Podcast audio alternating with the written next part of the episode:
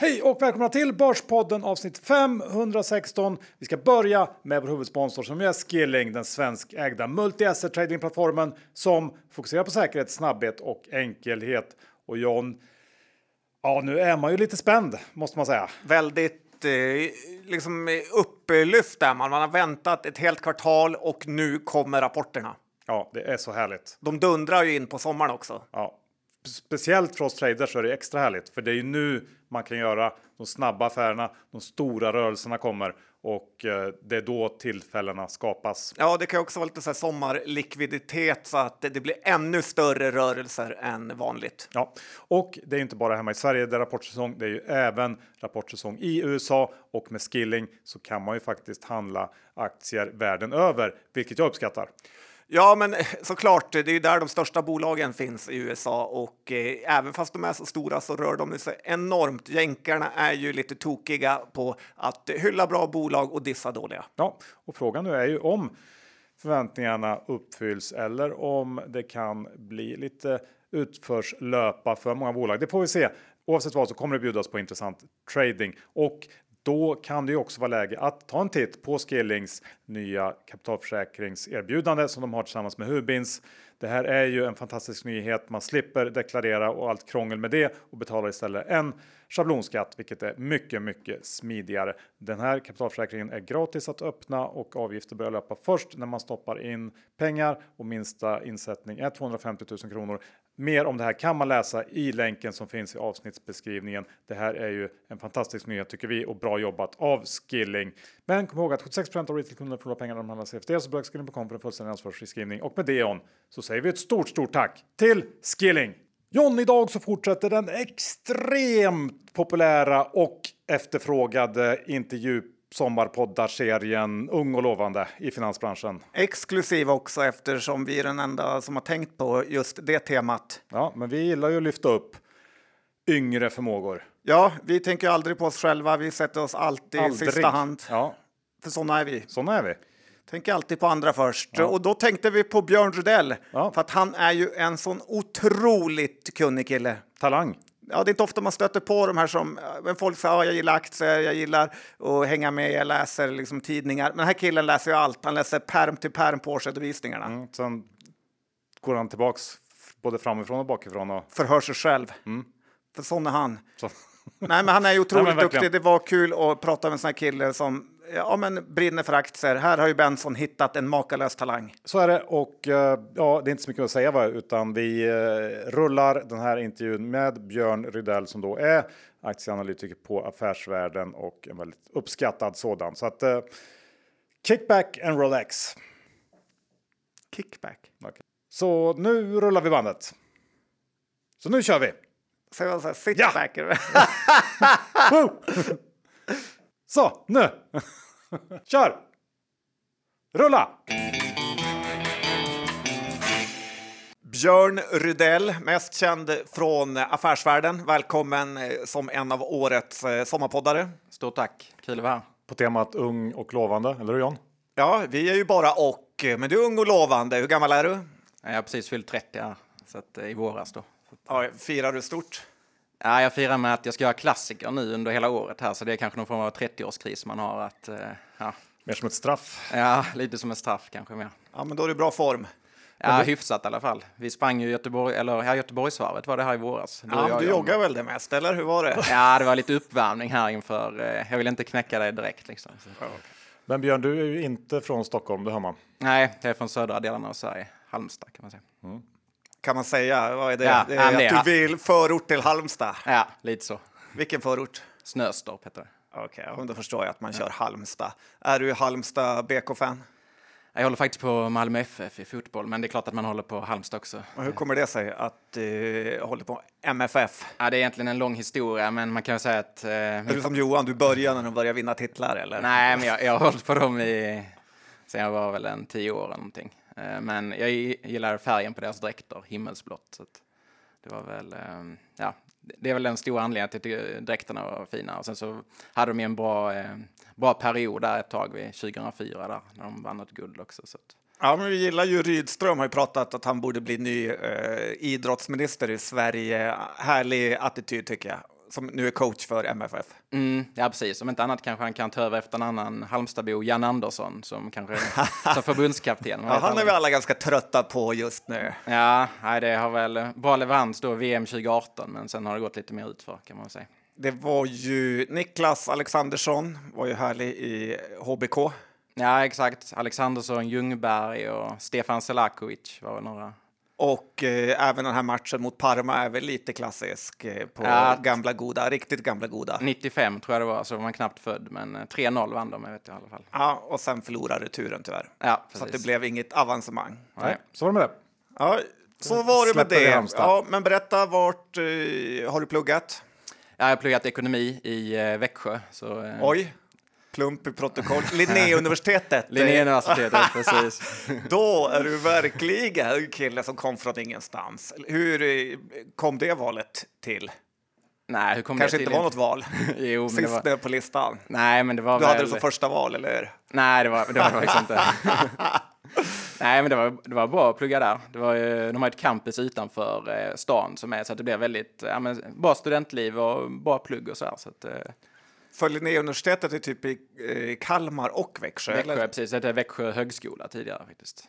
Och det här, men, men aktieintresset då? Är det någonting som alltid funnits med? Ja, det började väl egentligen när jag var, vad var jag, 15 tror jag. Jag fick lite aktier, eh, Investor-aktier faktiskt av en släkting när jag fyllde år. Och just där och då så kanske inte det var roligaste 15-årspresenten att få lite, få lite aktier. Men, eh, med Inte i facit- Snötorp. Nej, Snöstorp.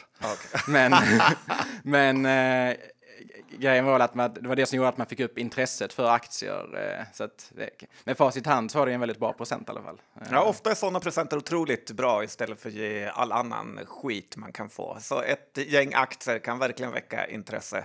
Ja, nej, precis. Och sen så var det väl att man började, ja, man var lite intresserad. Det var ju precis vid finanskrisen då, 2008-2009. Så att man pratade ju om det en del i skolan och sen så sommarjobbade lite och köpte man en aktie där och testade. Och med facit i hand så var det väl egentligen vilken aktie man än hade köpt så hade det gått bra i och med att man prickade nästan botten där. eh. Men eh, så, så att det var väl, att det gick bra i början var väl också ett skäl till att man tyckte det var roligt att fortsätta. Och Har du något minne av vilka aktier du köpte då? köpte ett bolag som hette Cardo som höll på med var det, industriportar och garageportar. Som blev uppköpta av Assa, va? Ja, det stämmer bra. Ganska Kan bra. jag allt, eller? Ja, ganska bra premie. Jag tror det var över 50 procents premie. Ja, för det var någon budstrid där, har jag för mig. Ja, det kanske det var. Jag har förträngt det, men jag vet att det kom ett bud på dem i alla fall. Ja, ja, okej. Mm. Ja. men det är kul. Eh, Någon annan legendarisk aktie du kommer ihåg? Nej, vad var det i början när man hade, jag köpte lite Lundin eh, Petroleum, tror jag de hette på den tiden, och så gjorde de ett par avknoppningar. Eh, ja. En Quest var väl ett bolag de mm, knoppade av. Men, eh, Nordsjödelen med, Ja, med lägre risk. Det är fortfarande börsnoterat. Ja, jo, det är det. skitbolag blev det av det till slut. Ja. Nej, sen dess har jag med, hållit mig borta från oljebolagen, eller hållit dem på en armlängds avstånd kan man väl säga. Och nu är du på Affärsvärlden som sagt. Eh, vad har för, hur kom du dit? Hur är din väg dit? Eh, nej, men nu har jag varit här i, på Affärsvärlden eh, i vad blir det, drygt tre år.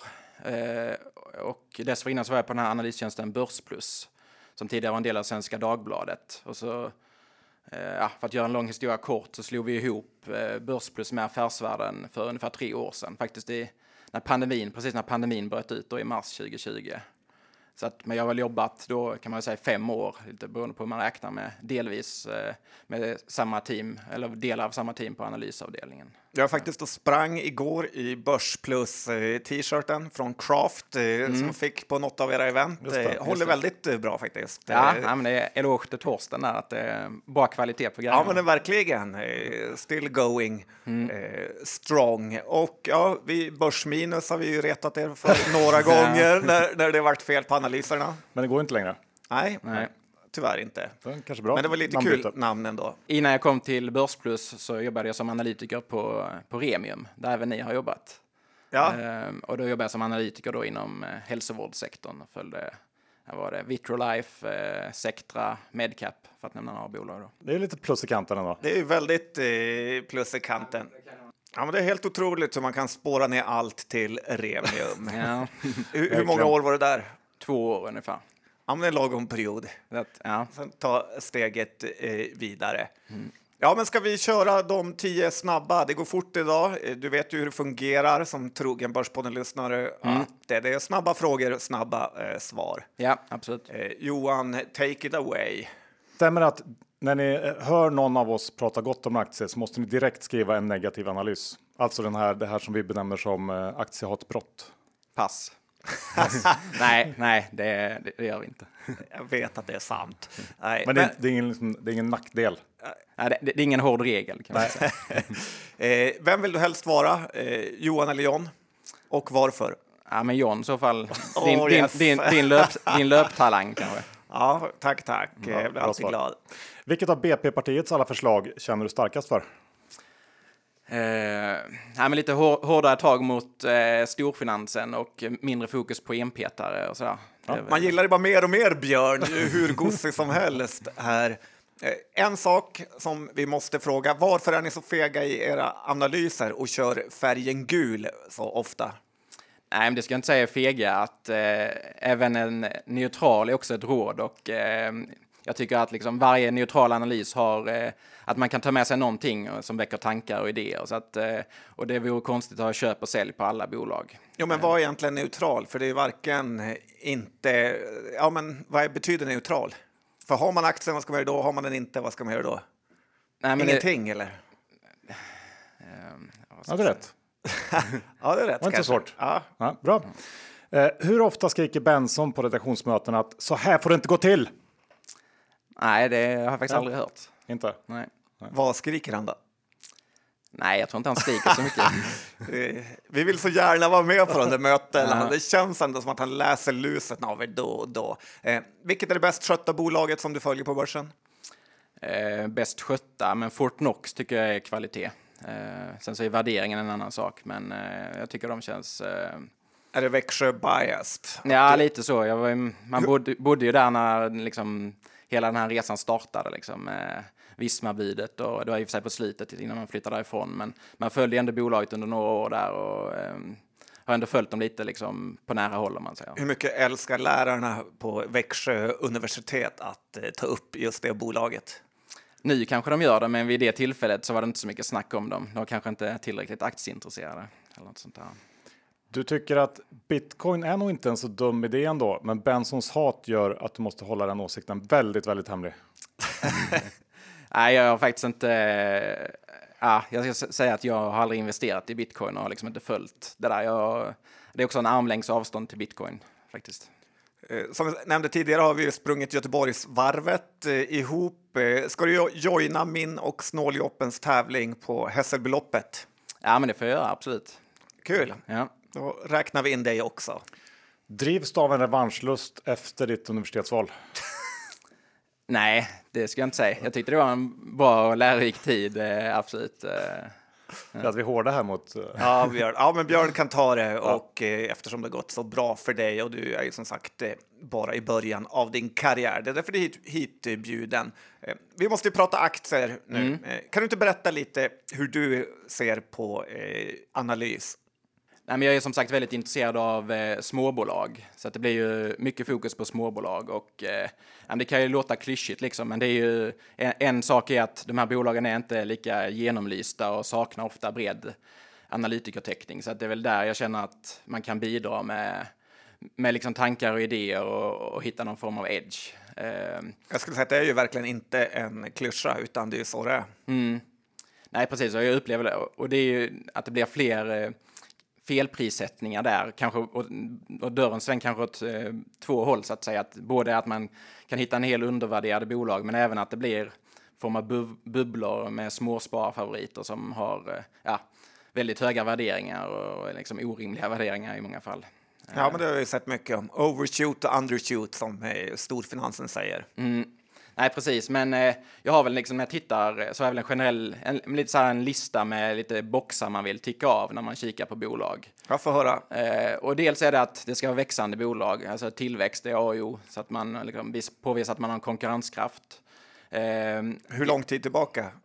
Nej, att de har bevisat sig ha någon form av tillväxthistorik. Eh, och gärna att de får verksamma på en växande marknad. Jag menar, då är det enklare. Och, om marknaden växer underliggande av sig själv så är det ju som sagt enklare för bolaget också att växa. Så att, gärna att de kanske drivs av någon, det kan vara någon form av omställning eller någon, eh, ja, något lagkrav eller någon, eh, ja, någon katalysator som gör att de växer då. Ja, men det tycker jag också är riktigt mm. bra. Medvind är ju alltid bra ja. jämfört med till exempel bolag som Loomis som får växa i motvind och kanske till och med eh, sjunkande multiplar på det. Mm, nej, exakt. Så att, eh, som en växande marknad är en bra början. Sen så mm, hyfsat hög bruttomarginal gillar jag också. Och det bör väl vara, det har liksom ingen hård gräns, det är ju från bolag till bolag eller från sektor till sektor, men det är alltid trevligt över 40 procent eller över 50 procent kanske. Och det visar ändå någonstans på att eh, Nej, att de, produkterna, att det finns någon form av teknikhöjd och så kan man gärna följa utvecklingen över tid. Alltså hur har bruttomarginalen utvecklats sett över fem år? Har den minskat mycket så kanske det är någon form av prispress på marknaden. Och eh, har den varit stabil så kanske det tyder på att bolaget har någon form av pricing power, att man, man kan kompensera det här ut mot kund. Eh. Och någon typ mm. av utväxling med va?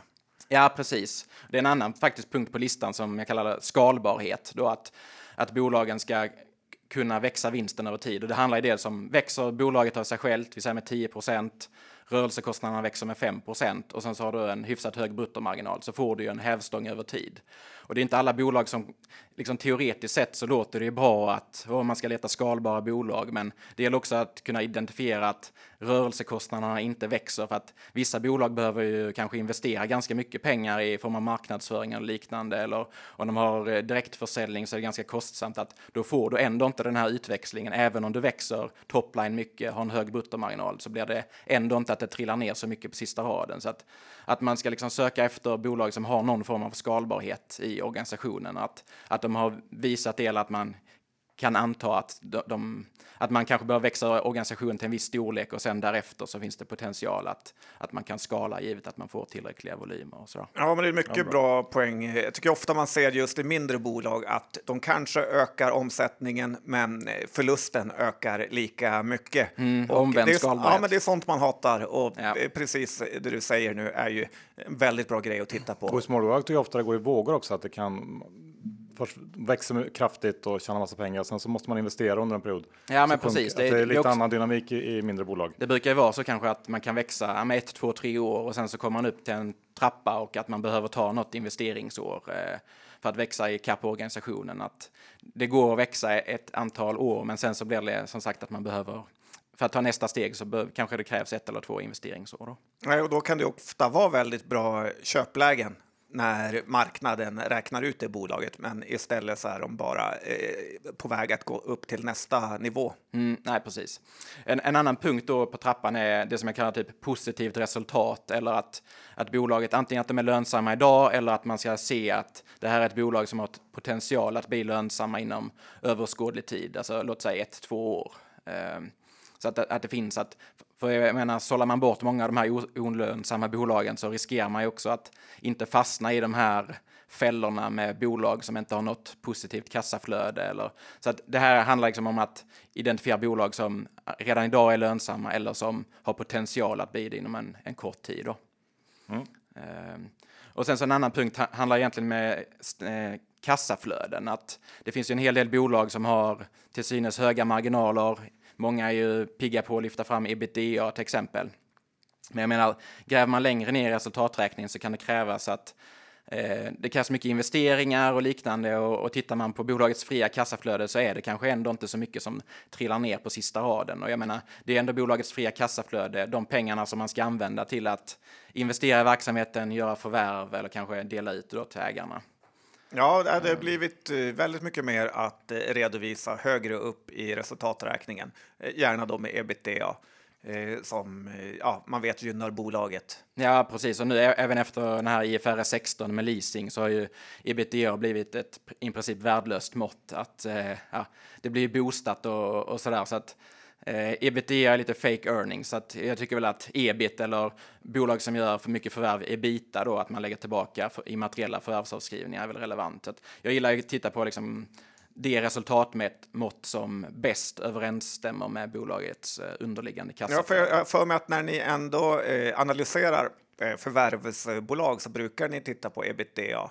Men är inte liksom Ja, förvärvskostnaderna en stor del av ett förvärvande bolags ja, vanliga verksamhet? Ja, men då, då brukar vi titta på ebita, alltså ebit, och sen så lägger du tillbaka de här immateriella förvärvsavskrivningarna. De som är liksom schyssta att, eh, ja, eh, alltså exempel goodwill-avskrivningar och liknande. Så att det handlar ju om att, och sen så över tid, ja, men det är rätt svårt på de här, eh, ja, men om man tittar på serieförvärvare som gör förvärv hela tiden, där blir det lite svårt att, jag menar det finns jättemånga bra bolag, jag menar Lifco, AdLife, Indutrade som har gjort det här över tid riktigt bra. Men sen så finns det vissa av de här nya bolagen, jag menar Storskogen, Vestum som har eh, som inte alls har samma historik, men som vid olika tidpunkter har värderats i princip högre än flera av de här bolagen som har gjort det väldigt bra i 20-30 år. Så att, eh, De växte väl högre under en period och det älskade börsen. Ja, precis. Det var ju liksom lågräntemiljö och, och eh, ja, det, det var ju en speciell situation på börsen då också med att alla tillväxtbolag eh, och det blev någon form av finansiell eh, ingenjörskonst att lätt att köpa bolag som värderas till fem gånger vinsten och sen så värderas det själv till 20 gånger. eh. Vad tänker ni om de här Kaplan och eh, Ryk, Storskogen, Vestum? Ja, vi har haft sälj på, eh, på Storskogen då, med god framgång får jag säga. Nu har ju den aktien kommit ner en hel del och de pratar lite om eh, ja, men strategisk översyn har de väl nämnt och att man ska titta på att avyttra bolag och Vestum sålde väl en portfölj här om jag inte minns fel med ett 20-tal bolag till, till något riskkapitalbolag. Så att, och det, det är väl ett tecken på att det kanske har gått lite för fort ibland att eh, ja, nu när man står, alltså att göra förvärv är ju ingen enkel sak egentligen, utan att det, det är ganska komplext och jag menar, de här bolagen jag nämnde tidigare med Lifco och så vidare, det är ju en, en handfull bolag och det finns trots allt tusen bolag på svenska börsen, så det är, det är ett, ett, ett fåtal bolag som är väldigt skickliga på att göra förvärv. Eh. Folk, eh, eh, bolag vill ju vara plattformsbolag, men det är nog betydligt svårare än man tror. Ja, det är lite lättare sagt än gjort, skulle jag säga. Eh, absolut. Eh, men om vi går tillbaka till den listan så pratar jag lite om en annan punkt, är då återkommande intäkter. Eh, som jag tycker är ganska trevligt. Och det, det är dels för att det är ofta mm, lätt att förutse att det blir liksom, ja, om du har de här återkommande intäkterna så får du en helt annan stabilitet. Det är ofta eh, lite mer konjunkturoberoende. Så att bolag som har en relativt stor andel från eftermarknad eller service skulle jag säga är mm, inget måste, men jag menar det, det är positivt för att då blir det att du börjar inte på noll varje nytt kvartal, utan du har liksom en stock av återkommande intäkter som ger viss stabilitet. Men räknar du service som återkommande? Ja, men service eftermarknad kan man väl säga. Det är ju, vissa bolag redovisar inte detta, eller det, det är lite olika hur transparenta man är med detta, men en, en hel del, framförallt större bolag, redovisar ju eftermarknadsintäkterna ja, ja, då och då ganska tydligt. Så det ser jag väl som någon slags form av återkommande. Sen så kan det också vara att det inte är helt återkommande i och med att man är beroende av, ja, kanske användningen av eh, produkterna eller om det är olika instrument eller vad det nu än är. Så att, men det, det, det är ju någon form av mer återkommande repetitiv eh, intäktsström om man säger. Härligt. Vad har du mer? Eh, en annan punkt är bra ledning eller kompetent ledning. Och med det menar jag att det är en ledning som har någon form av dokumenterad eh, branscherfarenhet. Det är alltid, många letar efter entreprenörsledda bolag och det är alltid lätt att säga att man gillar entreprenörsledda bolag, men ibland så blir det så här att det kan vara någon grundare eller liknande som har grundat ett bolag och så, som kanske är väldigt skicklig på produktutveckling och är någon form av uppfinnar men den personen behöver kanske nödvändigtvis inte vara superduktig på sälj. Ja. Eh, Så att det är kanske viktigt att, att skilja på det. Ibland så är det att bolagen kommer in i en fas där den här uppfinnarjocken kanske passar bäst som teknikchef eller, och är säkert jätteviktig för bolaget och ska absolut vara kvar på bolaget, men att man kanske ibland behöver göra något form av eh, någon rockad på vd-posten för att få in ja, få lite in lite nytt blod, lite nya tankar och en ny synvinkel i, i bolaget. Och ibland är det så att en entreprenör blir lite för försiktig när de har alla sina pengar i bolaget, att de inte riktigt kanske vågar eh, ta eh, all den risk som bolaget eh, skulle må bra av om, om eh, de fick möjlighet eh, till det. Att våga ta alla marknadsandelar som finns där ute. Nej, precis. Det är också en jättebra poäng och det, det kommer vi in nästan på nästa punkt här på listan som jag kallar ja, skin in the game, pilotskolan. Ja, men kärt barn har många namn. Att, att för mig så är det otroligt viktigt att ledningen i bolaget äger aktier. Det, jag skulle säga att, att ledningen i bolaget har, eh, att deras intressen är allierade med övriga aktieägare. Det är extremt viktigt över tid skulle jag säga, för att man har stött på rätt många bolag genom åren där eh, ledningen saknar ägande och jag skulle säga att många av de här tjänstemannastyrda bolagen, de presterar över tid inte lika bra som de här bolagen som har där eh, styrelse och ledning äger aktier eller där du har en annan form av incitamentstruktur. Så det skulle jag säga är otroligt viktigt över tid. Att, och jag menar, det, alla, alla vd har, har ju inte liksom miljonlön, men jag menar, är det en person som har varit på ett bolag ett antal år så skulle jag säga att ett minimikrav är väl åtminstone att man har kanske en årslön investerad i bolaget det, det, skulle jag säga är någon form av så tumregel. Sen så kan det skilja sig från fall till fall, men att, att ledningen äger aktier är, är väldigt viktigt. Ja, men det där är nog nästan viktigaste punkten på eh, din lista. Jag tycker att det är en enorm skillnad på tjänstemannastyrda bolag och mm. eh, där ledningen har skin in the game. Eh, sen, eh, som vi pratade med en annan sommarpoddare, var ju det här med att det är också viktigt att eh, största ägaren kanske inte äger för mycket aktier heller, mm. så att de behandlar bolaget som sitt eget och eh, då inte ser till allas aktieägares eh, bästa. Nej, precis. Och, nej, men det, det, är en bra poäng och det är ofta när man är i kontakt med bolagen och skriver analys så brukar jag ha en eller ställa en fråga så här att Ska du avslöja den? Ja, men det kan jag absolut göra. Det är, om inte ni äger aktier i det här bolaget, varför ska, jag, varför ska jag eller varför ska vi investera i det här bolaget om inte ni själva vill göra det? Och ibland så får man olika typer av, ja, men lite, vad ska man kalla det, floskelsvar och liknande. Eh, och att, att de blir lite så här ställda ibland. Men jag menar, ett, inget svar är också ett svar skulle jag säga. Så att, eh, Ja, och eh, det är nästan fakta som är det viktigaste. Det spelar ingen roll vad de säger för Nej, att eh, vad de än säger så är det. De kan hålla långa, långa presentationer på förändringsresan bolaget är inne på, vad de eh, ska göra med och vilken potential det finns. Och mm. sen äger de inga aktier själva. Nej. Det är ju något som talar för det, för hade de trott lite på det så hade de lånat upp lite på villan eller på något sätt ordnat fram hyfsat mycket pengar för att själva ta del av resan.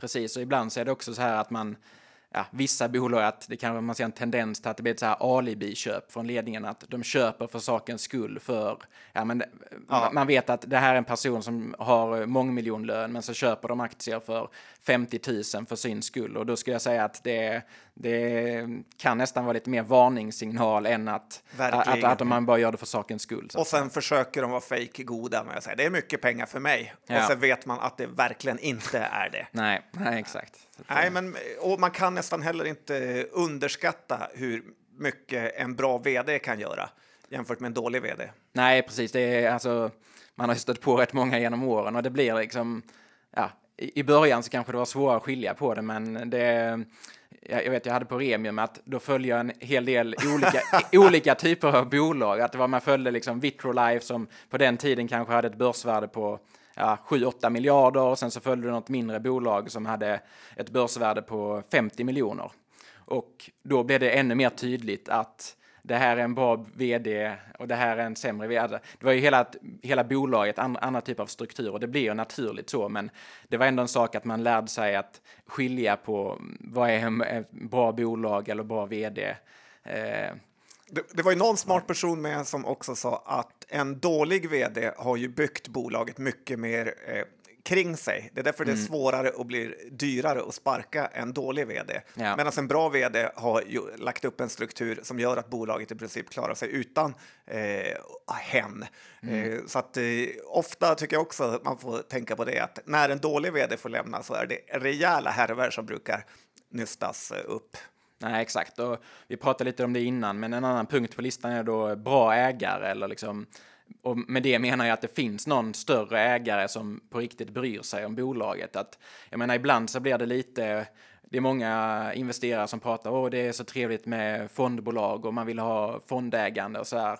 Och det kan man ju få kanske när det är en resa när de här fondbolagen upptäcker bolaget, att du får någon form av multipelexpansion och kan man på den resan. Så att det kan man förstå på en synvinkel, men det jag menar med att bra ägare är att man behöver ha någon ägare av kött och blod som bryr sig. För att ibland blir det, om det är väldigt mycket fonder, då blir det lite herrelöst, ägarlöst, att det är ingen som bryr sig och sen när det börjar gå dåligt, jag menar ett exempel eh, här i närtid kan man ta Viaplay som saknar en tydlig huvudägare.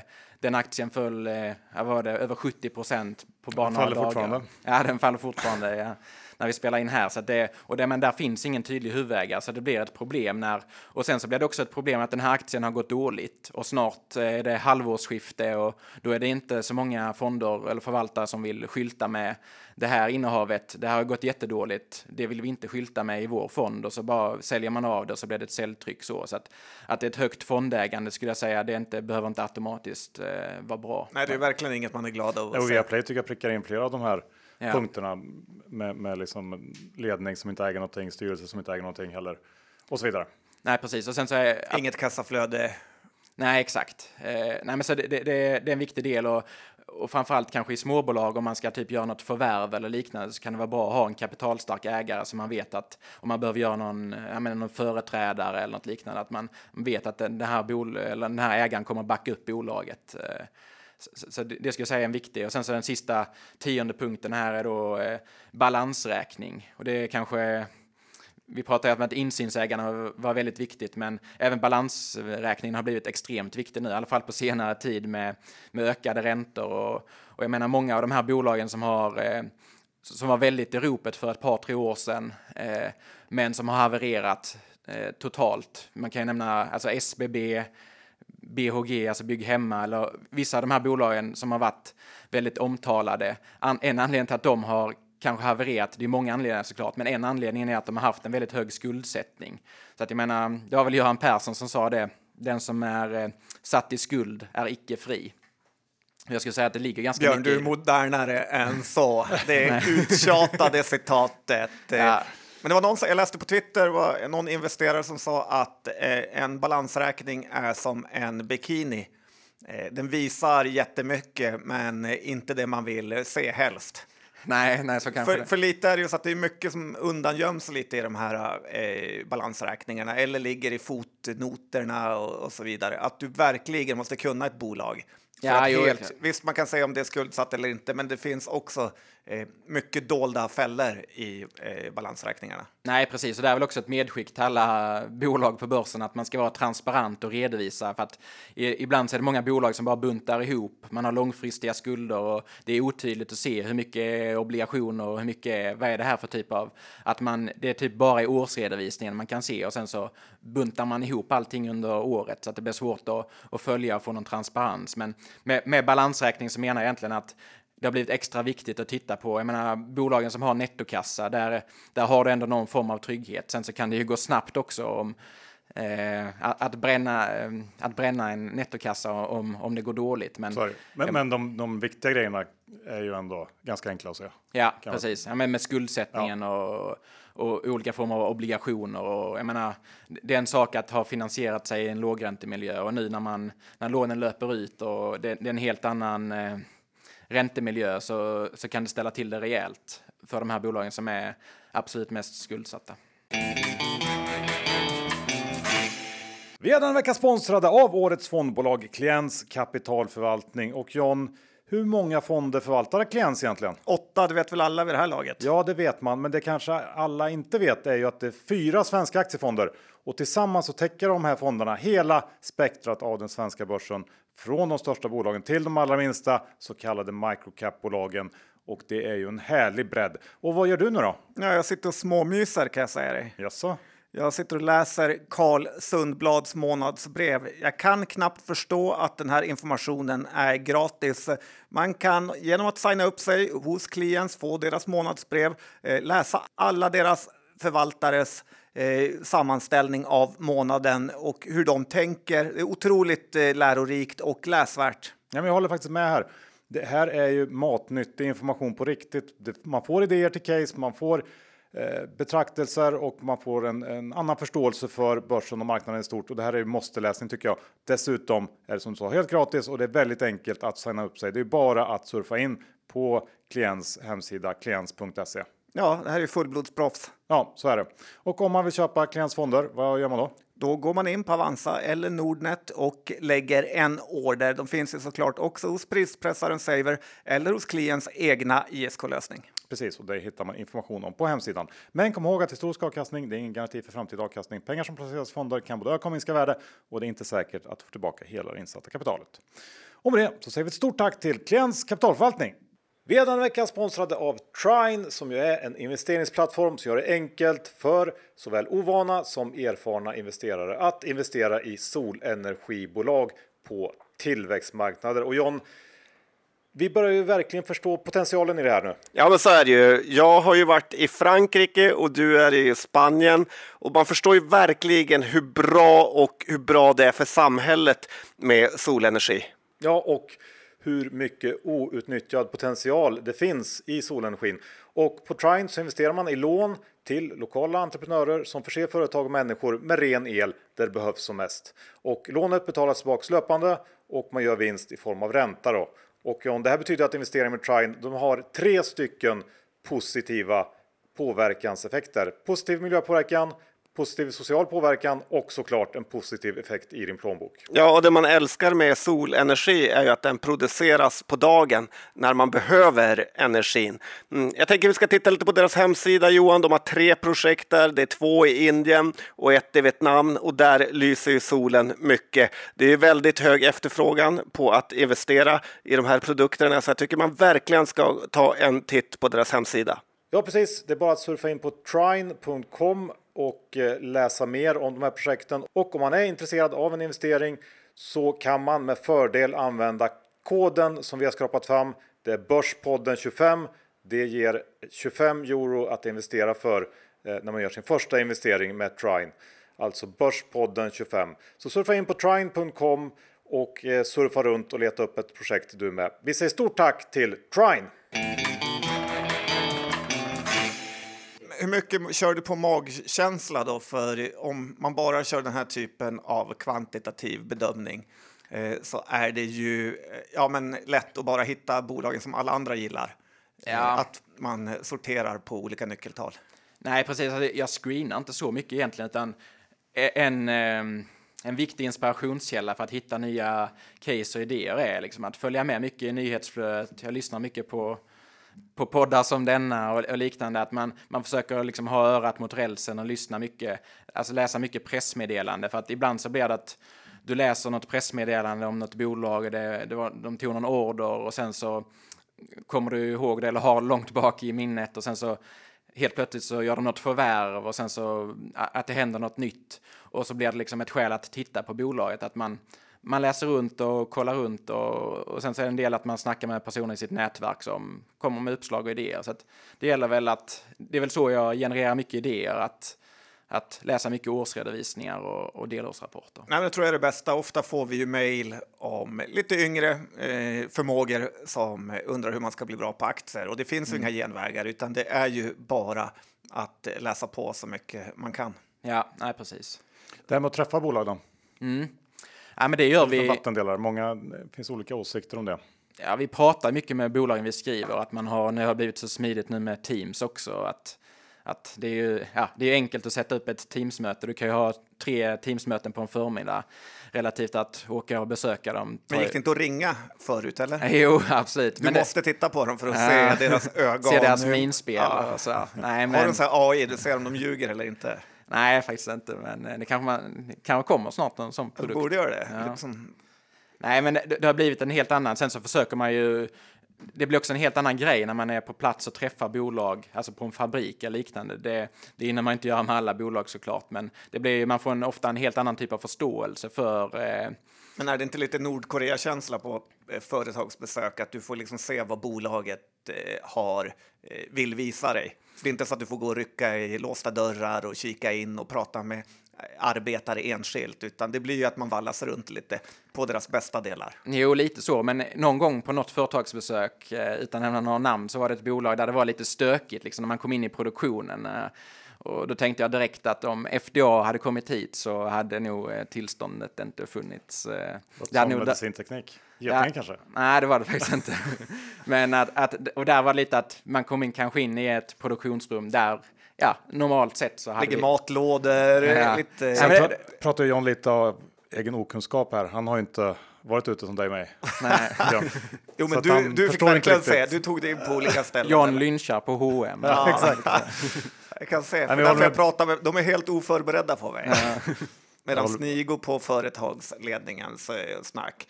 Ja, men kul! Jag tycker mm. mycket bra lista. Nästan som att man får lyssna två gånger på det där för att ta in allt.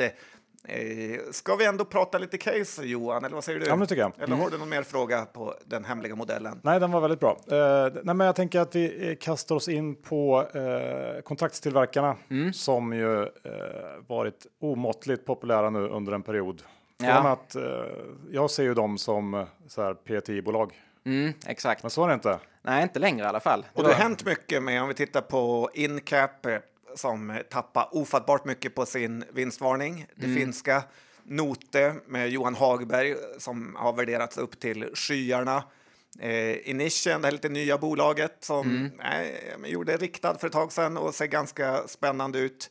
Ja, det finns mycket att prata om i den här eh, sektorn. Du får eh, pick and choose. Ja, nej men precis. Det är lite som Johan sa här från början att P10 och det är väl det är kanske den synen fortfarande en del investerare har att det har varit, eller av börsen har det här setts som ganska tråkiga bolag, underleverantörer och de är ju fortfarande underleverantörer men att det har blivit att, jag menar om man skruvar tillbaka klockan 10-15 år så var det att en hel del bolag i Norden började flytta produktionen från Norden till ja, lågkostnadsländer som Kina och så vidare. Och sen så i takt med fokus på hållbarhet och liknande och produktion i, att det blev mer, ja, mer eh, fokus på, på hållbarhet helt enkelt, att man ska producera produkterna i närområdet och en hel del bolag är stolta över att de här produkterna inom situationstecken är made in Sweden eller liknande. Att, att det har blivit att konsumenterna efterfrågar att produkterna ska vara producerade i närområdet. Så det har blivit en form av strukturell trend. Och sen så även, jag menar med pandemin har ju spett på det här att när det bröt ut så var det många bolag som satt med produktionen på andra sidan jordklotet. Svårt att få någon överblick. Vad händer nu? Det här har aldrig hänt tidigare och att det tror jag också är en katalysator som har gjort att, att en hel del bolag vill ha produktionen mer i närområdet för att man känner att man har har mer kontroll. Och även med den här färjan som eh, gick eh, på grund i kanalen. Var det Panamakanalen eller var det Suezkanalen? Suezkanalen var det. Ja, mm. och eh, det orsakade också enorma problem. Nej, precis. Att, Plus var... att vi har ju valutan med. Ja. Att det är absolut inte lika fördelaktigt att tillverka någon annanstans längre.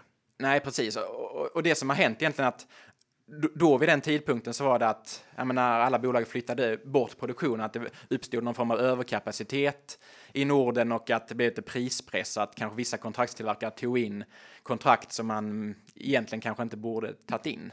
Eh, men eh, i takt med den här trenden med nearshoring och onshoring, allt vad det kallas, så har ju många kontraktstillverkarna fått upp beläggningen, man har kunnat höja lönsamheten, haft råd att investera i mer automation, vilket har gjort att man har kunnat utöka sin kapacitet, få in mer beläggning, få in mer kunder och det har blivit en positiv spiral. Så att det har blivit någon form av positiv spiral för alla de här bolagen som har gjort att de har kunnat höja marginalerna från kanske 5-6 procent och nu är det ju ett flertal bolag. Jag menar Note tjänar ju över 10 procent. De är Incap, finnarna som vi nämnde, tjänar över ehm, eh, nästan 15 procents eh, ebit-marginal och det är ganska högt. Och det som är ganska intressant med Incap och en, en lärdom som jag liksom, eller som man kan dra mycket lärdom av är det här med storkundsberoende. Att Incap, det har gått väldigt bra för de senaste åren och de har vuxit väldigt snabbt med den här holländska kunden Victron Energy. Och, det är någon vindkraftsbolag va? Ja, lite, man kan säga lite grön energiomställning, alltså lite konkurrent till C-tech eller liknande okay. med lite så mm. batterier och så här. Så inte vindkraft?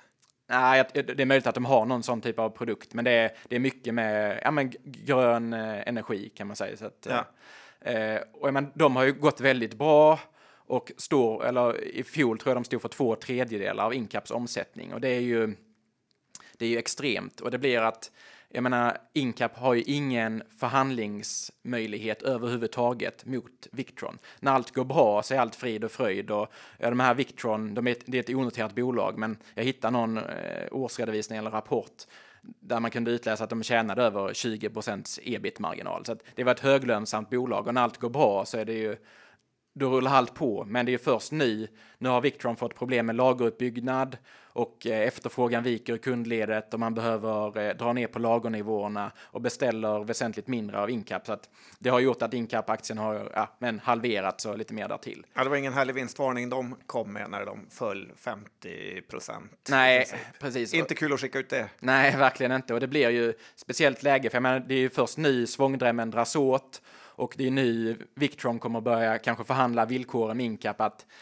att eh, även om efterfrågan kom, skulle komma tillbaka här om något år eller så och de kanske börjar växa igen och så här så är det ju att jag, skulle, jag har svårt att tro att Incap kan nå tillbaka till de här marginalerna på över 15 procent som de haft Nej, det är ett problem att vara börsnoterad. Man blir lätt avslöjad med vad man eh, tjänar. Ja. Jag undrar om man, för att, eh, historiskt sett så har de här bolagen också agerat någon slags stötdämpare. Mm. Eh, det är ganska enkelt att dra ner eh, volym ja. hos, hos kontraktstillverkaren istället för hos sig själv så att säga. Mm. Att man har kunnat parera lite svängningar. Eh, så den grejen undrar jag om den ändå finns där någonstans i bakgrunden fast det har de här trenderna du pratar om, att man kör homeshoring mm. och, och liksom vill ha made in Sweden och sånt har lite grann maskerat det under en period. plus även pandemin som du var inne på att när det var brist på grejer då kanske man inte riktigt ville byta eller Nej, precis, förhandla om priser och så vidare. Men, men vi såg ju vad som hände med Nolato och uh, den här uh, Batt. Uh, precis, mm. dual sourcing grejen mm, som, yeah. som ja, de valde att ta in en till leverantör. Mm.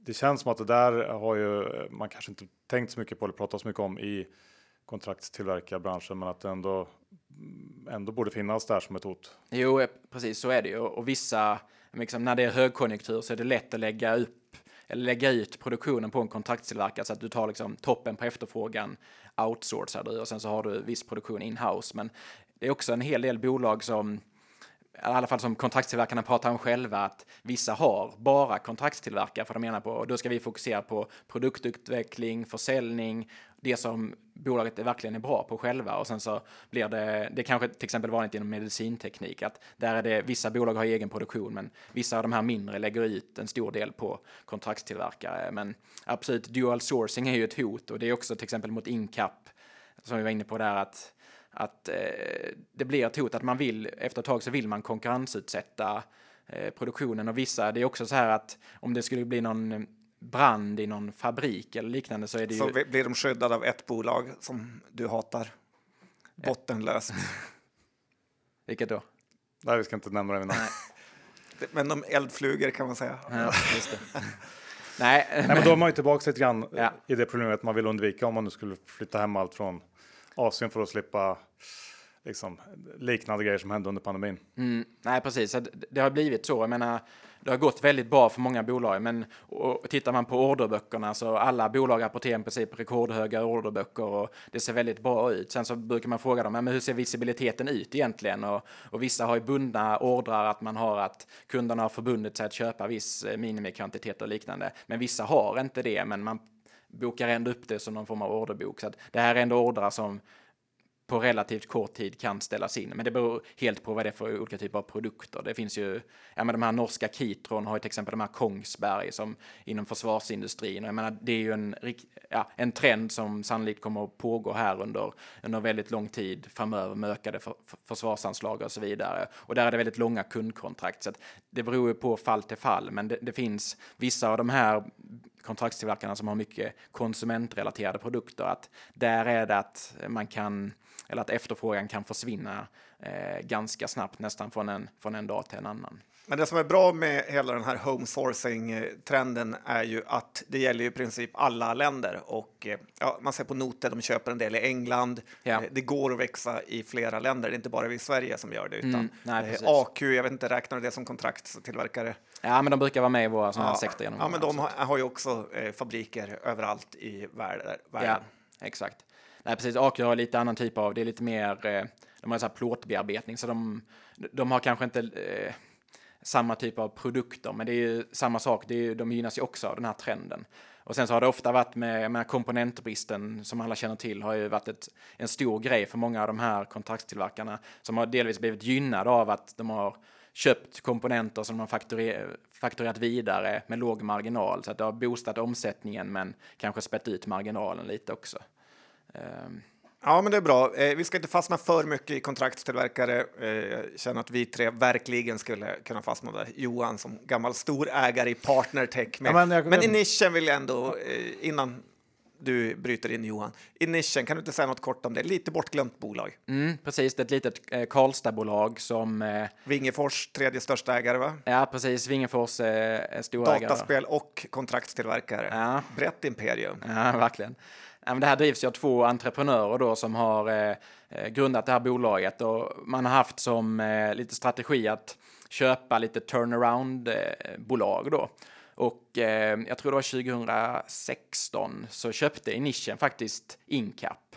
Eh, och eh, så, så, att det är liksom Inission som eh, är lite grunden till eh, den här turnarounden som Incap gjorde. Och vid den tidpunkten så var Incap ett, ett bolag som inte omsatte särskilt mycket och, och som hade problem med usel lönsamhet och så vidare. Och eh, Inission försökte köpa upp Incap, men eh, ägarna i Incap Eh, Eh, tackade nej då, utan man la, ja, det, det, blev aldrig att man kom till skott, utan den minoritetsposten som Inc, eller Inition ägde i Incap delade man sedermera ut till aktieägarna. Så att jag vet att jag pratade med de här båda grundarna på Inition som, som nämnde att det var väl deras sämsta aktieaffär att man, att man delade ut innehavet då.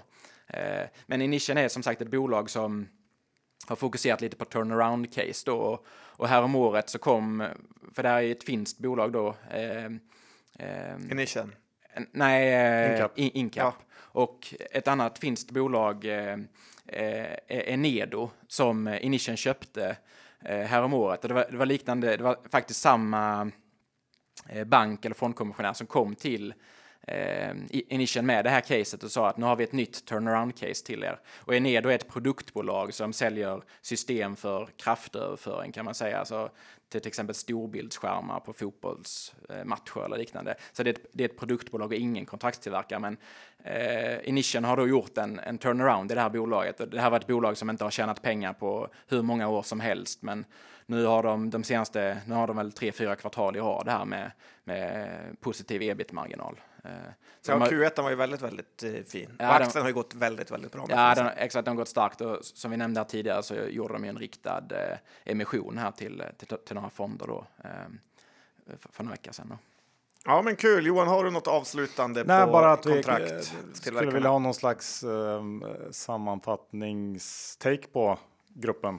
Ja, nej, men köpvärt och inte köpvärt. Köpvärt, de vi har köpråd på idag är ju eh, finska Scanfil som är Nordens största kontraktstillverkare och eh, Inition. Det är de två vi har köpråd på idag. Och sen så har vi haft köpråd på i stort sett alla av de andra, men Note skriver vi ner här i våras och även Kitron och även Hansa som vi tycker, alltså många av de här aktierna värderas till, låt säga 15 till 17 gånger rörelsevinsten på innevarande år, medan typ Scanfil värderas till kanske 12-13 gånger och Inition ligger väl också någonstans där 11-12 gånger. Det kanske ska vara lite rabatt på Inition i och med att de är lite så här. De har inte bevisat sig på samma sätt, men jag menar, kan man ändå eh, komma upp lite mer här i storlek och och de får snurr på det här Enedo som de har köpt. Så, eh, och det här Enedo är som sagt ett produktbolag, så de ska ju ha högre marginaler än vad en kontraktstillverkare ska ha egentligen då på sikt. Men vi får se hur det blir med det. Men det, det är många kontraktstillverkare som, som har som finansiellt mål att de ska tjäna en eh, 7-8 procent och det är väl det är väl kanske liksom, ja, 7-8 procent är kanske en rimlig lönsamhet över tid. Jag tror, ligger man över 10 procent så eh, så kan det bli problem över tid att, att kunderna kan komma, hallå, nu tjänar ni tvåsiffrig marginal här. Ni Nej, för du inte tänkt att de ska tjäna alla pengar. Nej, exakt. På att sätta ihop den. Nej, precis. Att det, det är väl det som är, är man för lönsamma så, så kan det också bli en form av problem. Men som sagt, favoriterna är då Scanfil och, och Enition. AQ Nolato då? Ja, AQ, det är ju välskött bolag, absolut, men eh, Eh, Bra vd, gillar vi. Ja, James, ja, han är duktig. Nolato har Prata med förnamn med vdarna. Ja. eh, men... Eh, Nolato är haspinbolag va? Ja. E-cigaretter blev inte vad de trodde. Nej, de har ju, jag menar, det, det var ju ett tag så stod de här e-cig-segmentet för typ en fjärdedel av totala intäkterna. Så där pratar vi också storkundsberoende. Eh, och nu har de ju fått, jag menar, nu har de ju dual sourcing, det är ju ingen hemlighet och, och Nolato har problem här. Eh, så att jag menar, jag tror inte Q2 kommer vara jättebra och även Q3 och framåt. Då börjar ju jämförelsetalen bli lätt, lite lättare igen, men eh, ja, vi får se. Det blir intressant att följa hela sektorn här framöver. Vänta och se. Ja, vi lämnar. Man blir glad att prata med dig Björn. Du är så ofattbart eh, kunnig i, om aktier. Det är därför du är här också. Medtech då, en annan sektor du har väldigt bra eh, koll på. Kan ja. vi inte prata lite cancervårdsbolag eller strålningsbolag mm. kanske främst? Elekta Research, eh, Serad. Ja. Jag börjar med det största Elekta. Elekta, eh, ja, men det är liksom, det är ju det absolut största bolaget som har också bredast produktportfölj kan man väl säga. Eh, Elekta har ju haft problem, jag menar över tid så, så har inte det här varit det har inte varit så bra. Tittar man på totalavkastningen på fem år så blir man inte direkt imponerad. Det har, det har varit mycket vd-byten de senaste åren och så där. Så att man har ju inte liksom riktigt levererat operativt och det här är en aktie som över tid har varit eh, väldigt mycket blankad också. Och, och då kan man ju fundera kring vad det beror på. Det ju, hänger kanske ihop med det här att man inte riktigt har fått till det rent operativt. Men även redovisningsmässigt har det varit mycket snack om att man har bokat intäkter man ja, inte riktigt precis. haft. Nej, exakt. Och, och, lite så här, då hänger det, kommer vi också in på det här med svaga kassaflöden, att det brukar ofta vara en blankarnas story, liksom att det är fake earnings och att ja, det ser bra ut på översta raden eller på ja, men, översta vinstraden och sen så lite längre ner så blir det inte så mycket kassaflöde av det egentligen. Och, men det, det har också varit lite att man har påverkats av eh, ja, med covid när det bröt ut så har det mycket fokus på eh, coronapatienter och investeringarna inom strålterapimarknaden har ju stått tillbaka en hel del. Samtidigt så är det här ändå en marknad som över tid enligt många branschbedömare då ska växa med 6, 7, 8 procent per år. Så att det finns ju en underliggande drivkraft i och tyvärr så ökar liksom antalet cancerfall hela tiden. Eh, men är 6, 7 procent så mycket? Ja, 6, 7, 8 procent. Det är, ja, det är, det är mer än BNP.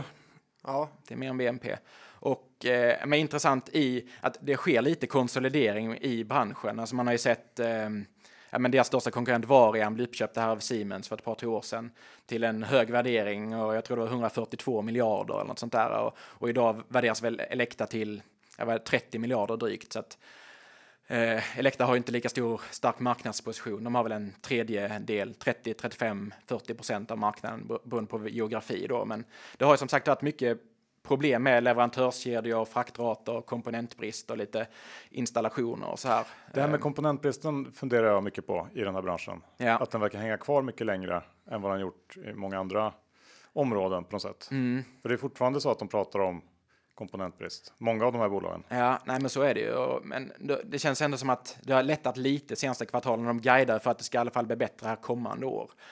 Sen så en annan, om man tar liksom en generell trend inom strålterapimarknaden är det som kallas på branschspråk eh, hypofraktionering. Och det är egentligen att man använder en högre stråldos fast vid färre behandlingstillfällen.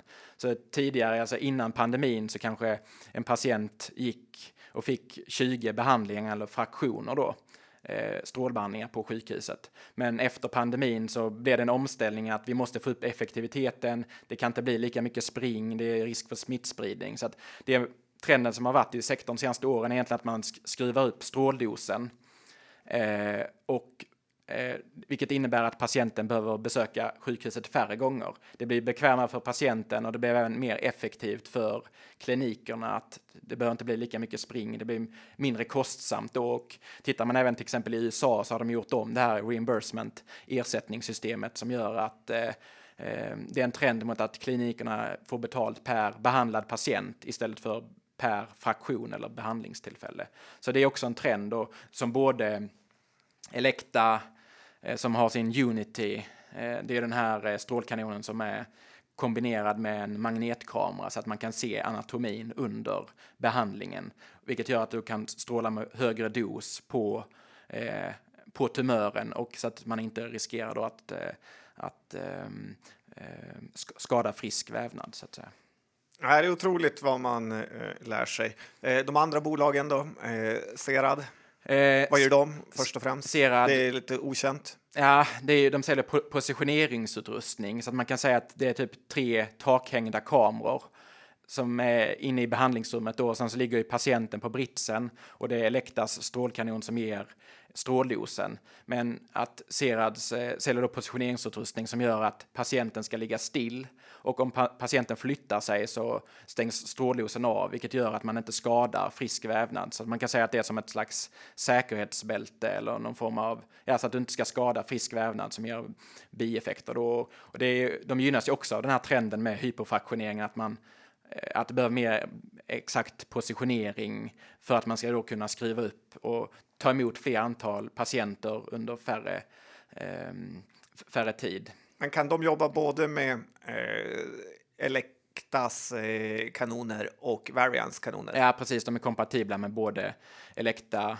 eh, som har ja, men så här, 30 procent av marknaden, Varian som har drygt 50 och sen så finns det en, en spelare som heter Accurace från USA som har ungefär 10 procent av marknaden. Så att de är kompatibla med alla, alla delarna då. Och sen så har ju Zerad en, en konkurrent, ett danskt bolag, eller egentligen ett brittiskt bolag som ägs av danskar, eh, William Demant. Och, och det här bolaget heter Vision RT som är eh, Searads eh, huvudkonkurrent. Och Vision RT har en väldigt stark marknadsposition och kanske har två tredjedelar av marknaden och så har Zerad då ungefär en tredjedel. Så det är i princip ett ja, dupolmarknad då. Eh, Men varför går det så otroligt dåligt för eh, Serad? Lite har de hamnat i småbolagsträsket, nedtryckta som många andra. Men eh, de har haft lite tufft, ganska bra Q1-rapport, ny vd. Eh, men ändå aktien, det vill sig inte för den. Nej, precis. Alltså, om man tittar på senaste åren så har de ändå vuxit orderingången helt okej och, och sådär. Men jag menar nu när de ändå, nu har de en stor orderbok som de ska leverera ut kommande år. Eh, men det som har hänt egentligen är att man har dragit på sig lite för mycket kostnader. Delvis är vissa av de här att man har byggt ut säljorganisationen, att man ska sälja lite mer direkt på vissa marknader. Så man har tagit lite medvetna investeringar, men att rörelsekostnaderna har ökat Eh, Eh, och att de har inte uppvisat den här skalbarheten som man vill att de ska eh, verkligen uppvisa. Jag menar, det här är ett bolag som har 65 procents bruttomarginal och jag tror i Q1 så växte de 50 procent. Men rörelseresultatet skalar ändå inte tillräckligt mycket och det beror delvis på att man har anställt rätt mycket personal. Så att här är ju verkligen upp till bevis för dem att de ska kunna visa här att det här är ett bolag att vi ska kunna tjäna marginaler på 20-25 procent på ebit-nivå. I li- likhet med deras konkurrent då som eh, tjänar ungefär 25-30 procent. Det, det är ju verkligen upp till bevis. Och, men det, det har skett en hel del saker i bolaget som vi nämnde då vd-bytet. De har även bytt CFO som gick då till Research. Och sen så har de även bytt eh, ordförande och det är rätt mycket nytt folk i styrelsen då. Så att vi får väl se här eh, kommande kvartal om de kan leverera ut den här orderboken. Och, Men är det risk att orderboken är tagna på eh, för låga nivåer i pris eh, nu när det är inflation? Nej, det, det skulle jag inte säga att det, ehm, det kan finnas viss sån effekt. Sen så är det väl ja, upp, upphandlade avtal är att där, där kanske inte man kan göra jättemycket, men det är det C-RAD tjänar på är ju dels när man installerar produkterna, det är då den intäktsavräknas och sen så har man ju ett ökat fokus på service, precis som då Elekta har. Jag tror idag har C-RAD eh, ungefär 20% serviceintäkter. Elekta då som är en betydligt större spelare har ungefär 40 procent av sina intäkter på service. Så att liksom i ett mer längre perspektiv, steady state, så kan man kan tänka sig att C-RAD ska kunna ha en lite ännu högre andel service. Och där har du även då högre marginal. Men det är ju det är upp till bevis för dem verkligen här. De sitter ju på en nettokassa på över 100 miljoner. Så att, eh, och aktien har ju som sagt inte gått bra. Jag ska, ska säga, tillägga så här att jag själv äger lite aktier i bolaget. Så att för transparensens skull ska det nämnas. Men Eh, det blir intressant att se vad de gör här med nettokassan. Jag menar, det, den har inte gått så bra. Man kanske ska återköpa lite. Eh, för att de här pengarna de tog in, tog de in för ungefär två, två och ett halvt år sedan och då var det på en kurs på nästan 50 kronor per aktie. Och, eh, så att vi, vi får se lite vad de hittar på här framöver. Det, det blir alltid lite speciellt och det är också när man har bytt vd och ordförande. Det, det är också en sån grej som vi var inne lite på den här punktlistan, att det är en grej som ökar risknivån. Att, Eh, och framförallt när man byter alla de här positionerna samtidigt. Men eh, Ja, men då ser jag, upp till bevis för dem. Eh, Racers då, det som både jag och Johan är lite intresserade av. Eh, jag har också aktier i Serad, kan läggas till. Ja. Men Research, vad gör de? Eh, de, deras största produkt är ju en, eh, ett dosplaneringssysteem som heter Ray Stations. Ray Stations som gör att man ska optimera stråldosen för inför behandlingen då. Och Research är ju, ja, man har över tid uppvisat en imponerande utveckling. Jag menar, grundaren Johan Löv har ju byggt upp det här från ingenting till ett miljardbolag och, och Racers största konkurrenter är ju Varian och Elekta som själva har de här eh, systemen, eh, dosplaneringssystemen som de själva tillhandahåller. Så att, så att Razer ändå som svenskt bolag, lite svenskt bolag, har kommit upp och ändå kan konkurrera med de här bolagen tyder ändå på att de har ja, konkurrenskraftiga produkter och de har ju verkligen specialiserat sig på det här istället för Varian och Elekta som är mer en helhetsleverantör. Men samtidigt är det en del kliniker som vill upphandla allt från samma leverantör.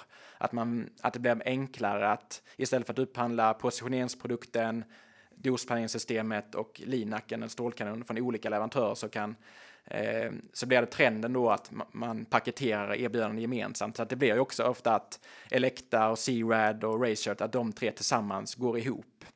Eh, men om man tittar lite på Razer så har det varit problem. Där har vi även, om man drar tillbaka klockan och problem med redovisning, man la om redovisningen hur man intäktsförde den för ett par år sedan och var starkt kritiserat där med svaga kassaflöden. Eh, och det hänger väl kvar lite. Då hade man rätt höga marginaler där, men i och med att man har bytt redovisningsstandard så så har det påverkat lite hur marginalen redovisas. Men det kändes ändå så här för några kvartal sedan att man hade något bra på gång. Eh, sen så, jag menar, Q1 var inte så jättestark jag menar, Research, även om det här är ett bolag som omsätter eh, en hel del pengar så kan det vara ganska slagigt kvartal till kvartal på orderingången och så där. Så att det här är ju ofta bolag som man inte ska stirra sig blind för mycket på enskilda kvartal. Men eh, jag tror de här i slutet på Q1 så bröt ju de mot någon kovenant i, i någon, på något lån de hade eh, hos någon bank och lånet var, var, inte ens utnyttjat. Jag tror det var en rambelopp på 200 miljoner och det var inget utnyttjat, men man lyckades ändå bryta mot den här kovenanten. Och det ställer ändå en del frågor. Jag menar så här, nu har de bytt CFO och att det, de gör lite misstag som inte ska gå att göra, eller så här. Det blir lite att det blir, nagga, förtroendet naggas lite granna. Det med att Günther har hoppat in i styrelsen, borde inte det kunna styra upp en del? Jo, det, mm, det, det kan väl eh, är säkert en bra grej. Jag menar, um, men det är också, han har ingen vidare erfarenhet från medtech. Sen så har han ju specialist på um, att snåla in och spara och det, det, tror jag kanske Research behöver en liten högre dos av. Spar, spara då, för att jag menar tidigare har de ju deras kont tidigare kontor på Sveavägen blivit utsedd till Sveriges snyggaste kontor av någon sån här eh, arkitektgrupp. Och, det vill man inte gärna se som nej, det, det, det, det vill man absolut inte se. Och, och jag mm, läste motiveringen och det stod typ att det var väl påkostad inredning och liknande. Och det som aktieägare så är kanske inte det man, det, det, är inte det man vill att bolaget ska foka på. Så är det. Men där står man ju också inför någon slags eh, skifte nu med en produkt som är på väg att ta fart förhoppningsvis. Mm, exakt. Um, den här nya Raycare. Ja. Eh, precis, så man har lite nya produkter på gång och det gäller väl att hittills har man inte helt bevisat sig där att eh, det, det fortfarande är lite, ja, att, att man ska bevisa sig helt enkelt. Men som sagt, man har ju bra produkter till synes då och, och har kontakt med många av de här klinikerna. Så att det finns ju möjligheter att, att sälja på. Jag menar, de klinikerna som är redan nöjda med deras befintliga system kan man tänka sig att det är lite enklare att sälja på fler produkter då. Det här med att eh, vdn älskar, alltså Johan Löv älskar sportbilar. Mm. Är det något man ska ha i beräkningarna i din eh, lista? Ja, det får man... Rutger älskar också sportbilar. Det har ju något med aktien att göra. Ja, nej, absolut. New Wave, eh, Torsten sålde sina. Ja, han har ja. nog inte sålt alla. Ja, Torsten älskar ju också sportbilar. Ja, så att det mm. talar emot. Det är svårt att dra några långtgående slutsatser. Men det är irriterande att Johan Löf säljer aktier. Lite ja, han sålde ju här för någon vecka sedan också och det var, jag tror det var för 40 miljoner. Och det är ofta den här privatekonomiska skäl. Alltså det, ja, det börjar bli lite ska man säga, tröttsamt på de här privatekonomiska skäl. Att det, ja, jag vet inte riktigt hur man... Just för att aktien är så lågt. Eh, man förstår ju också att han kanske inte vill ha alla ägg i samma korg. Nej, men precis, ändå, det, det, hade varit roligare om han köpte istället för sålde. Och det blir lite så här, men han är väldigt dominant, som vi pratade tidigare om ägare, att han är en väldigt dominant ägare. Den har över 50 eller kring 50 procent av rösterna, så det är tydligt att, att det är Johan Löv som bestämmer även vi får se här med Günther om han, får något gehör för sina de kanske behöver lite mer fokus på kostnader. Och jag menar, Racers har ju initierat olika former av kostnadsbesparingsprogram och gjort av sig med en del anställda och sådär.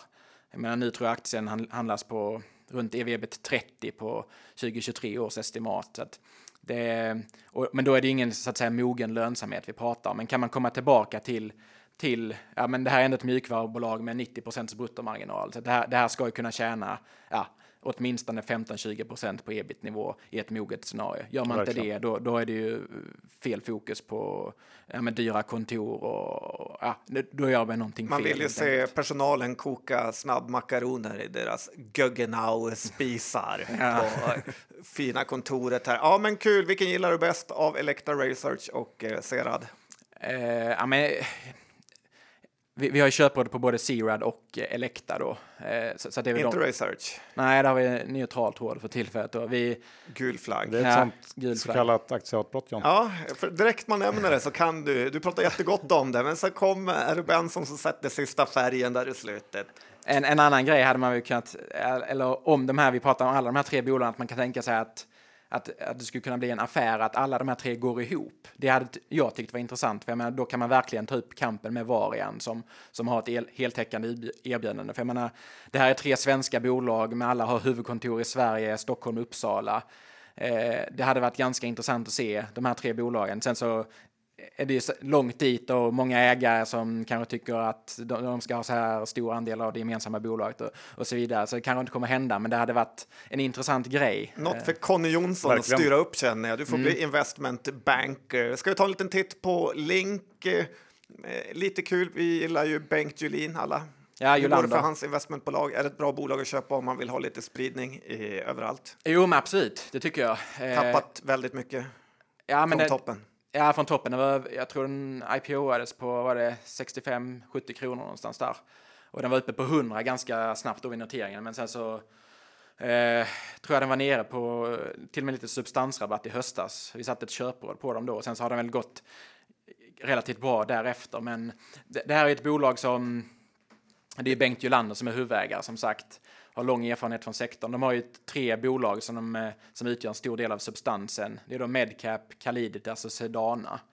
Och deras noterade portfölj tror jag står för ungefär två tredjedelar av eh, substansvärdet. Sen så har du kassa på ungefär 25 procent och sen så har du då onoterade bolag på eh, eller innehav på ungefär 10 procent. Jag såg honom grina lite i tidningen att han hade missat BioArctic. Ja, precis. Eh, exakt. Och jag tror även han nämnde i, någon tidigare intervju för ett tag sedan som jag lyssnade på att han eh, Vitrolife, att, eh, att den grämde han sig över för att, eh, att han hade missat då. Det kan man förstå. Det är vi fler som gör kan man väl säga. Men eh, jag skulle säga att eh, Link är absolut ett bra alternativ om man vill ha, istället för att köpa en hälsovårdsfond som tar avgift på ja, några procent eller prestationsbaserad avgift, så skulle jag säga att Link kan absolut vara liksom, om man vill ha lite exponering mot hälsovårdsmarknaden. Eh, jag följer ju under min tid på Remen följer jag Medcap, så jag har ju eh, och där var ju Links nuvarande vd, Carl Tobiasson, var ju, var ju vd på Medcap tidigare. Så att jag har fått ett ja, bra intryck av han och, och Medcap eh, har ju gått väldigt bra över tid. Jag menar, där har de skapat stora värden. Så att är man lite, vågar vara lite långsiktig i Link så tror jag absolut att, att det ett, ett, kan bli ett väldigt bra eh, Eh, bara case av tid, kanske något för pensionssparandet eller något annat. Barnspar. Jag stör mig lite på den här, vet du, Anders Hansén är med i styrelsen. Känner lite Runar Sördgaard-känsla över honom. Ja, exakt. Han sitter även med i, eh, i Medcaps styrelse. Okej. Okay. Ja. Mm. Så är det med det. Ja. Så är det med det. Barnspar och pensionsspar till Link. Eh, ja, vi ska inte fastna i det här heller, för att vi gillar att prata aktier. Men mm. vi måste ändå prata ett bolag som lite på tapeten nu, Pricer. Ja. Eh, riktig katastrof också. Ja, ja, det här har ju varit ett, eh, ett haveri som heter duga. Menar, det här är ju digitala prisetiketter. Och eh, de har ju vuxit väldigt snabbt senaste åren. Nu omsätter de, jag tror, 2,5 miljard. Eh, så, de har haft en väldigt stark underliggande tillväxt. Och det, det var det vi pratade om tidigare. Investera i bolag som växer är alltid bra. De är på en växande marknad. Men bara för att man är på en växande marknad så behöver inte det betyda att det per eh, definition är bra. Jag menar, även Fingerprint var ju på en växande marknad och vi såg ju alla hur det slutade. Det finns en del likheter mellan både Fingerprint och Pricer, att man liksom har varit lite förhoppningsbolag över lång tid, hängiven aktieägarskara och så vidare. Men, Ehm, och en annan intressant grej i Pricer är ju om man tittar på bruttomarginalutvecklingen. Bara senaste året, jag tror det var för två år sedan, så hade man en bruttomarginal på över 30 procent. Idag är bruttomarginalen, jag tror i senaste kvartalet var nere på 15-16 procent. Och då är det ju någonting som har hänt och det som har hänt är att det är en enorm prispress på de här etiketterna. Att ehm, det skulle i princip du, jag och John skulle kunna sätta ihop ett företag och börja sälja sådana här prisetiketter. Att teknikhöjden att göra det. Jag menar, det är, man importerar grejer från Kina och att det är, liksom, det är en enorm prispress på de här grejerna. Det kommer fram en hel del kinesiska tillverkare som har börjat sälja de här produkterna. Att det, är en, det är en stor prispress i marknaden, vilket gör att man tjänar inte så mycket pengar på att sälja de här etiketterna, utan det som man försöker göra istället är att man installerar etiketterna och sen så är det fokus på att erbjuda mjukvarulösningar i form av att när man ska uppdatera priserna på de här etiketterna och så vidare. Då. Ehm. Ja, det känns ju som att det inte riktigt slagit igenom trots att det är en bra idé. Ja. En del kedjor har det, men många har det inte. För det låter ju som en suverän idé att man kan ändra priserna centralt när man vill. Man behöver mm. inte ha någon som eh, klistrar om dem, särskilt i inflationstider och kanske liksom deflationstider som vi kommer mm. ha framöver, att man snabbt kan ändra priset och när man har näthandel att man kan ha samma eh, pris i butiken som på nätet och så vidare. Nej, precis. Att, så det ja. låter som en väldigt bra idé. Ja, exakt. Och jag tror Pricer har någon funktion, typ att eh, med i de, på de här stora, till exempel ICA Maxi, att för det är ofta när eh, personalen i butikerna går och plockar e-handelsvarorna eller ska plocka ihop de här till kunderna som har beställt så går de ut i butiken och plockar varorna. Då har de någon sån här positioneringssystem som gör att du, du vet att mjölken är där, där borta är Mariekexen och så vidare och där är Fantan. Att de får liksom en... Kex, en, sån är du. Nej, kex. nej, eh, men eh, det jag skulle komma fram till var att deras konkurrent, det, det är ett franskt bolag som heter SCS som är deras huvudkonkurrent som har eh, väldigt stor marknadsandel och, tillsammans med Pricer. De havererar nu va? Lite bråk med Kina, att de Kina-kopplingar. Ja, exakt. Eh, de ägs ju delvis av de här E-Ink som är den här leverantören av de här e-papperna som används på, på eh, de här digitala etiketterna. Men grejen med SCS egentligen och det jag skulle komma fram till här var att de har för ett par år sedan så lanserade de det här mjukvaruerbjudandet och vid den tidpunkten så var det liksom Pricer, ja, ja, att ja, men, ja, ja, eh, lite så här, oh, de håller på att lansera det att man, Pricer hade liksom, man var lite pucktvåa på den här, att man själva inte hade mjukvaruerbjudandet. Men nu i efterhand så trycker man väldigt på, nu har vi mjukvaruerbjudande, att, att jag, jag, tror det är också en grej som, som gjorde att man var inte först på den pucken eller var, var på den lite för sent. Eh, och sen så har ju bolaget klantat till det här rejält med, man tog upp en dyr obligation innan jul och sen så här i samband med Q1 så gick man ut att man nu redan bara drygt ett kvartal efter har brutit mot kovenanterna för obligationen och tvingas göra en emission. Och nu ska man ta in 300 miljoner. Eh, och i skrivande stund när vi spelar in det här så har man inte kommit ut med några Eh, Lite förnedrande nästan. Men, ja, men villkor då. går det att investera i ett bolag med den typen av styrelse som tar sådana katastrofala beslut? Då? Nej, det är ju det som, eh, som det kanske egentligen inte gör. Men sen så ja, man kan väl säga allt har sitt pris. Så liksom så här kortsiktigt så kanske säkert det finns någon, någon möjlighet där. Nu har ju man ju ordföranden lämnade. Det var någon tvist där med huvudägaren och delar av styrelsen har bytts ut. Så att det känns väl som att nu att man kanske har fått lite form av sjukdomsinsikt. Men det är ju ett rejält underbetyg till styrelsen. Alltså, det ska ju inte gå och skriver man tillbaka klockan typ två år så var ju Pricer ett bolag som hade en nettokassa på över 200 miljoner och nu sitter man på en skuld och har satt sig i den här situationen att man, ja, det är ju en hel del bolag som gör det att man aviserar nu ska vi göra en emission och sen så redogör man inte för några villkor och det skapar ju bara osäkerhet. Alltså det är ju typ i princip det sämsta du kan göra. Börsen hatar osäkerhet och, och det, är ju, det ser man också på aktien som totalt har havererat och mer än halverats sen här beskedet och sen årsskiftet så är ju så är aktien ner mer än 60 procent. Mm. Ja, eh, ingen rolig resa för aktieägarna. Eh, vi kan ju snacka aktier hela dagen här, Björn. Mm känns eh, som att det här poddavsnittet blir längre än vad vi verkligen trodde oss och att eh, det enda att man vill höra mer av dig. Eh, kan du inte ge våra unga lyssnare, när vi ändå utnämnt dig till en ung talang, mm. Eh, kan du inte ge några tips för hur man ska navigera sig fram i finansbranschen för att bli något, trots att man kommer från en förort till Halmstad, trots att man har gått på Växjö folkhögskola. Berätta, hur, och nu är du en av eh, ja, men liksom de inflytelserika analytikerna i eh, Stockholms finansmarknad. Berätta. Jag tror en, eh, en bra grundgrej är att man ska, ju som sagt skaffa sig någon form av utbildning då. Sen så vilket lärosäte, det, det, får man, det får man själv välja. Du vet att du skojar. Ja, absolut. Nej, men... Kanske. kanske. Ja.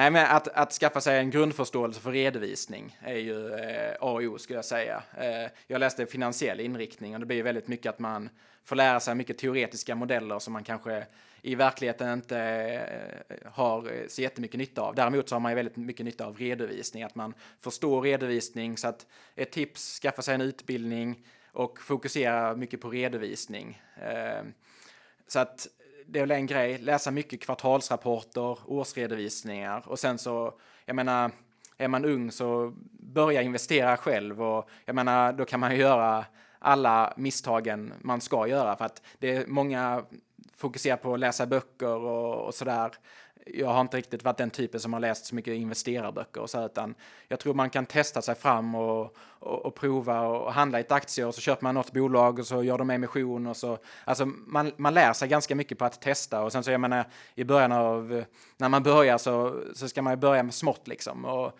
eh, med lite pengar och, och då är det ju att eh, ja, då har man inte så mycket att förlora utan man kan istället lära sig väldigt mycket och skaffa sig erfarenhet och så att eh, Ja, men det är många bra det är råd. tipset då. Och du sa ju också tidigare, lyssna på poddar. Ja, precis. Det är också en bra, också en bra grej. Ja, men, väldigt tack, bra. tack så hemskt mycket Björn för att du tog dig tid att komma till Börspodden. Mm, stort tack, kul att vara här. Björn Rydell. Säger du? Ja, jag är imponerad. Lite så att jag önskar att jag var han om han inte var så dålig på att springa. Ja, men han har ju åldern för sig på något sätt. Det har han. Han kommer ju bli mycket bättre än dig. Ja, I kanske. din ålder så är han... om man, du får tänka så. Ja, det är liksom inte ett barn, men visst. Eh, Men du var mycket sämre när du var i hans ålder. mm, det vet jag inte. Men Du ändå, var sämre på springa, du var sämre på aktier, det var jag. du var sämre... Jag kan vara sämre på aktier fort, redan nu kan jag säga, för han var ju fruktansvärt duktig. Ja. Och det här är ju då eh, ännu ett exempel på det här temat. Ung, lovande och redan framgångsrik. Eh, redan förbi oss två. Så ja, gillar vi. Ja, och såna här killar som liksom älskar och prata aktier, kan allt om alla bolag och då pratar vi detaljerna med eh, kanonerna på Elekta och så vidare. Det är extremt imponerande och roligt att prata med sådana. Jag håller verkligen med. Vi ska inte glömma vår huvudsponsor som är Skilling, svenskägda multi-asset tradingplattformen som fokuserar på säkerhet, snabbhet och enkelhet. De har ju sin nya kapitalförsäkring från Hubins. Den tycker jag att man ska kolla in för det här är ju en fantastisk nyhet för alla Skillings svenska kunder som då slipper krångel med deklaration och det vill man ju väldigt gärna slippa. Ja, det är otroligt vad Skilling återigen ligger i framkant. Ja, så in på deras hemsida och läs om den här. Men kom ihåg att 76 av ditt kunder förlorar pengar när de handlar CFD och Spökskilling.com för en fullständig ansvarsfri skrivning. Och John, med det så tackar vi alla som lyssnat på årets andra sommarpoddare. Nästa vecka så är du och jag tillbaks med en live-uppdatering av vad som har hänt här under sommaren. Ska bli kul att snacka lite aktier och nyheter igen. Men fram tills dess, ta det lugnt så hörs vi om en vecka igen. Ja, ha en fortsatt härlig sommar och ta det lugnt med drickat. Hej då!